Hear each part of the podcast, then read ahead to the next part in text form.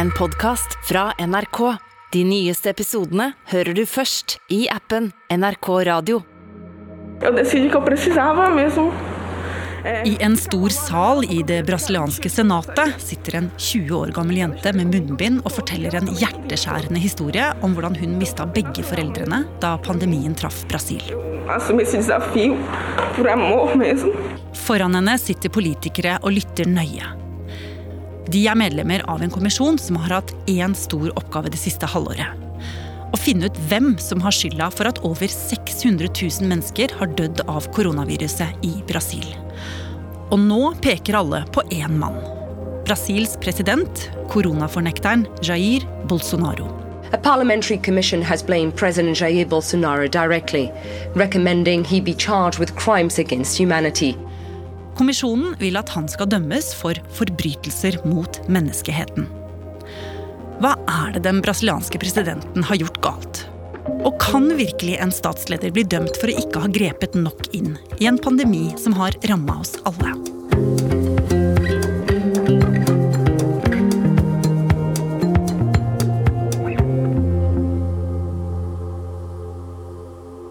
Det som skjer i Brasil, er helt absurd. Nå har vi en kommisjon i Senatet som ønsker å stille den sittende presidenten for retten for aktivt å ha bidratt til å ta livet av hundretusenvis av mennesker. Det har aldri skjedd før i Brasils historie. Torkil Leira, du er Brasil-ekspert og forfatter, og du skriver nå faktisk på en bok om Bolsonaros Brasil. Og nå risikerer altså den høyrepopulistiske politikeren som tok over makten i Brasil for bare tre år siden, også kalt tropenes Trump, å komme i fengsel. Dersom han blir stilt for retten. Og uansett så mener mange at hvordan han reagerte da koronakrisen traff verden, kommer til å hefte ved ham for alltid. For på nyåret 2020, da det ble klart at koronaen ville bli en pandemi, måtte statsledere verden over velge sin strategi for å bremse det dødelige viruset. Today I am officially declaring a national emergency. Hverdagen til mange blir snudd på hodet. qui nous disent si vous voulez nous aider, il faut rester chez vous et limiter les contacts. You must stay at home. Det ble kjøpt inn medisinsk utstyr, folk ble sendt hjem fra skoler og jobb, konserter ble avlyst, sykehusene ble rigga for å få plass til flest mulig pasienter, og ikke minst, det ble rydda plass til ekspertene. Men da viruset traff Brasil, så reagerte Bolsonaro på en litt annen måte enn andre statsledere. Nada sentiria ou seria, quando muito, a Han gikk veldig tidlig ut, overraskende lite bekymra, kalte det en liten influensa og sa at nei, men det her, her skjer, og vi må bare fortsette som før. Veldig opptatt av at eh, samfunnet ikke skulle stenges ned pga. at økonomien måtte rulle og gå. For av de mange politiske sakene Bolsonaro hadde vunnet valget på, så var jo dette med å få fart på Brasils økonomi viktig. I tillegg til å få bukt med vold og korrupsjon. Men Torkjell, det var jo ikke bare dårlig timing for hans politiske prosjekt som preget koronareaksjonen til Bolsonaro, den sterke mannen med bakgrunn fra militæret. Han har null tro på vitenskapen. Han forkaster alt det som eh, helsemyndighetene sier, og også vitenskapen når det gjelder klimaendringer og når det gjelder andre ting. Han er også en djupt religiøs mann, og bygger mye av sin politiske plattform på djupt religiøse standpunkt, og har jo sagt mange ganger at eh, ja, vi skal alle dø en dag. Kanskje er det en sånn eh, fatalistisk tro på Guds plan, at ja, det som skal skje, det skjer. Ja, så hva gjorde Bolsonaro? Han unnlot å stenge samfunnet. Han unnlot å kjøpe inn store mengder med masker og gjøre klart for en pandemi som all visst var i gang. Han unnlot å kjøpe inn oksygen til sykehusene. Han unnlot å bøte på de manglene ved det helsesystemet som var dårlig i Brasil når det gjaldt å håndtere sånne kriser som det her. Og selv om noen kanskje syns at dette var en god tilnærming, at man bare skulle la viruset gå sin gang, og at det heller kanskje ikke var så farlig, så begynte folk i hans eget regjeringsapparat å bli ganske stressa. Og et par måneder inn i pandemien så gikk helseminister Mandetta ut og talte Bolsonaro midt imot. Sabemos que seremos provavelmente taxados de incompetentes ou disso ou daquilo por causa do número de casos de fatalidade. Helseministeren ba brasilianerne om å stå sammen og ta til fornuft. Og han advarte om at hele det brasilianske helsevesenet kom til å kollapse innen en måned om ikke noe ble gjort. Også rundt i de forskjellige delstatene, der guvernørene har makt til å innføre lokale regler, var politikerne nå blitt bekymret. De bestemte seg for å gjøre det presidenten ikke ville, nemlig å stenge ned. Og med det trakk millioner av brasilianere seg inn i hjemmene sine for å hindre viruset i å spre seg. Og mange virka jo veldig fornøyde nå, Torkjell. Flertallet av brasilianerne støtta jo tiltakene for eh, lockdown. Og det viste dem ved å gå ut på verandaen med gryta og og hamre løs og synge og kauke. På den måten viste de støtte til helsearbeiderne, men samtidig ble det òg en protest mot Bolsonaro og hans dårlige koronahåndtering.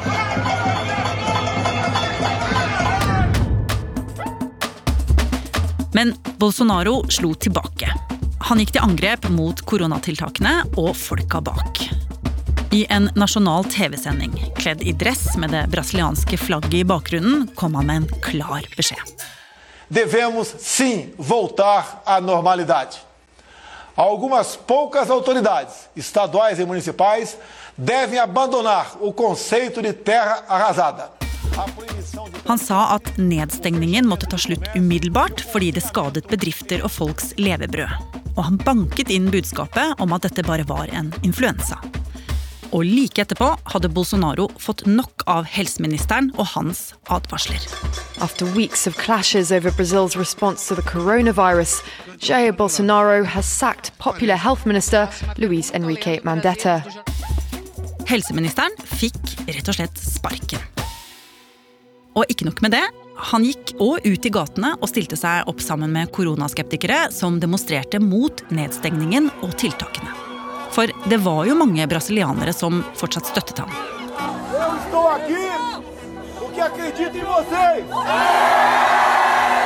TV-bilder viste en oppspilt og sinna Bolsonaro som fra et biltak talte til hundrevis av demonstranter. Han sa han hadde troa på dem og på Brasil, og at han ikke ville vike en tomme for presset om å innføre føderale tiltak. Og dette skulle han jo gjøre flere ganger. Gang på gang på gang på gang så så du Bolsonaro på gata eller på stranda eller med sine tilhengere, håndhilsa på folk i folkemengden uten munnbind osv. Fullstendig uansvarlig, både fordi han sjøl kunne spre korona til andre, og han kunne sjøl få det som Brasils statsoverhode. Men snart skulle Bolsonaros Brasil bli hardt ramma. Utover sommeren 2020 begynte smitten for alvor å spre seg. Og snart var den kommet helt fram til den sårbare urbefolkningen i Amazonasjungelen. More than 900,000 people from more than 300 tribes. These are members of Brazil's indigenous communities. Coronavirus is spreading fast among them, and now they're struggling to cope with disease. Særlig i den største byen i Amazonas, som heter Manaus, så du helt grusomme bilder med massegraver som ble åpna med, med gravemaskin. Og ordføreren i byen sa ærlig ut helsesystemet vårt har kollapsa. Vi har ikke mer oksygen på sykehusene. Folk døde i ambulanser på vei inn til nødavdelingene, for det var stappfullt på sykehusene. Så det var helt grusomme scener som utspilte seg. Samtidig så, så vi at uh, smitten spredde seg som ild i tørt gress i de fattige områdene i storbyene, de såkalte favelaene. Der bor jo folk veldig tett på hverandre, masse tett kontakt. De er nødt til å ta buss for å komme seg på jobb eller eh, på skole. Og helsetilbudet er veldig dårlig. Og det her viste jo til fulle hvor lite forberedt Brasils helsevesen var på en eh, pandemi av, eh, ja, av koronaens størrelse. Imagine trying to do social distancing here. The alleyways aren't even a meter wide and people are living on top of each other. Og midt oppi det hele ble det klart at koronaviruset hadde innhentet Bolsonaro selv. Og på nytt fikk hele verden se hvor lett han tok på dette. Agora, como é que isso tudo aconteceu? Vale a pena você fazer um breve histórico. Começou domingo com uma certa indisposição. På en pressekonferanse 8. juli sto en koronasmitta president Bolsonaro uten munnbind og sa at han hadde det helt fint, og at dette ikke var noe farlig. E a febre, no final da tarde, chegou a bater 38 graus. Daí eu resolvi, então, Man kunne jo trodd at da skulle han eh, skjønne at oi, det her er alvorlig, det her kan hvem som helst få, når til og med presidenten får det. Men det han gjorde da, var jo bare å intensivere reklamen for ueffektive malariamedisiner. En medisin som all forskere sier har ingen som helst effekt mot korona. Det satt han på sine livesendinger på sosiale medier og viste fram pakken og sa 'jeg tar det her, og det er kjempefint'. Veldig, veldig rart. Og dette var jo i stor kontrast til den tragedien som snart skulle utspille seg. For da 2021 runda hjørnet, så hadde pandemien i Brasil virkelig nådd nye høyder. Over en halv million brasilianere hadde dødd. I Brasil må eldre graver fortsatt ryddes for å få plass til nye døde.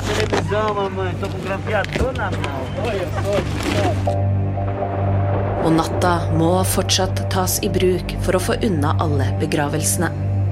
For fortsatt er bare drøye 2% av landets innbyggere vaksinerte. Og utover våren hadde Brasil klatret nesten til toppen av listen over de landene i verden der pandemien herja verst. Brazil's COVID 19 outbreak is worsening by the day. The country has recorded its highest number of daily deaths from the virus, some 3,000 victims. Brasil er altså det landet i verden som er nest hardest rammet av koronaviruset, målt i rene dødstall. Ifølge Worldometer er det bare i USA at flere har dødd av covid-19 enn i Brasil.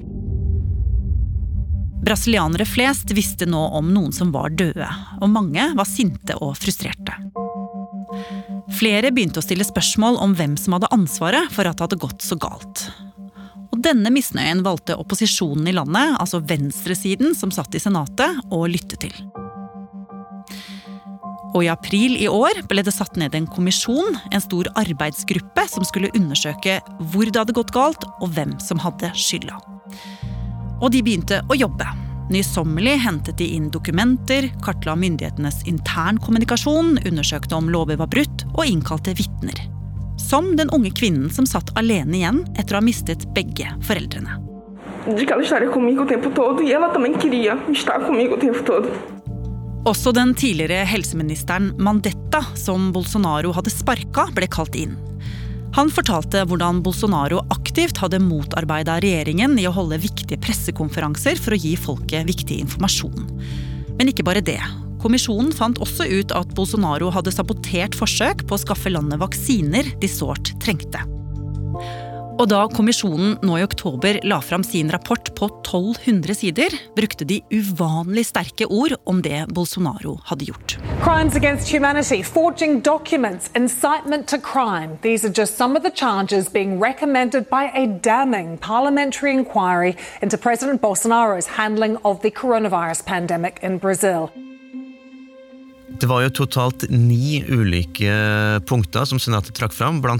forbrytelser mot menneskeheten, men også underslag av offentlige midler, brudd på lover om, eh, om pandemier, brudd på grunnlovens bestemmelser om rett til helse og liv i Brasil. Så det er kjempealvorlige tiltalepunkter, alle sammen. Hm.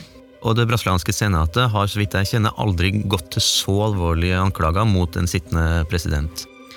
Ja, for det er jo verdt å legge merke til at dette begrepet forbrytelser mot menneskeheten jo ofte blir assosiert med umenneskelige handlinger begått mot sivilbefolkningen i krig.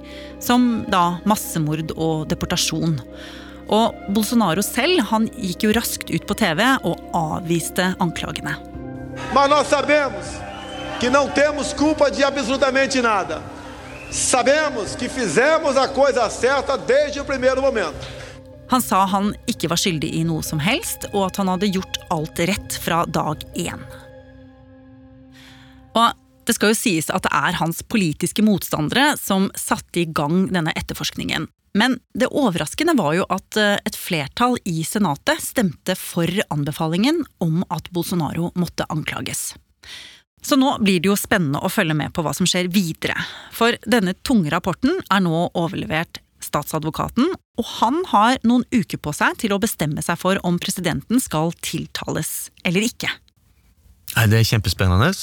Og Det er jo to spor her. Det ene er i det vanlige rettsvesenet for en del av de sakene, men det er også brudd på Grunnloven. Og da som sittende president, hvis det er stor nok tvil om det, så kan det bli riksrett. Eh, det er et spor som går da gjennom Kongressen. Men jeg tror, og de fleste analytikere tror, at det ikke kommer til å skje noe særlig med presidenten sjøl. Han har fortsatt så stor støtte i eh, Kongressen at det uh, ikke er snakk om noen riksrettssak. Der er det over 100 andre initiativer for å få stilt den for riksrett, men det har heller ikke gått noe, noe framover de siste årene. Og det er også sånn at I påtalemyndigheten så er det også en del av hans egne folk som sitter, og han har også såpass stor politisk støtte og i militæret og rundt omkring at uh, jeg tror ikke at det skjer noe med han personlig. Mm. Men så er det jo sånn at det er jo nesten 90 andre mennesker som også er, blir anbefalt tiltalt i den samme rapporten, så nok mer sannsynlig at noen av dem tas. Ja, så ingenting er avgjort i denne saken. Men selv om Bolsonaro kanskje ikke ender opp med å bli tiltalt, så er jo tallene nedslående. Over 600 000 mennesker har mistet livet i pandemien i Brasil. Og hva kommer egentlig til å skje med Bolsonaro framover? Det er presidentvalg neste år, ganske nøyaktig om et år. Eh, og der er det, sånn det ser ut nå, så vil han ikke overleve. Men eh, klart det, for ett år før valget i 2018 så var det nesten ingen som visste hvem Bolsonaro var. Nå vet alle hvem han er. Han har eh, statsapparatet eh, med seg. Og han er fint i stand til å mobilisere mektige venner rundt omkring i Brasil, så det her eh, tror jeg er helt åpent. Men uavhengig av hvordan det går i valget i 2022, så tror jeg at Bolsonaro kommer til å gå over i historien som den statslederen i verden som takla korona aller dårligst. Og jeg tror òg at flertallet av brasilianerne vil si det at han har personlig skyld i at tusenvis eller titusenvis eller kanskje hundretusenvis av brasilianere død uten at det strengt tatt var nødvendig.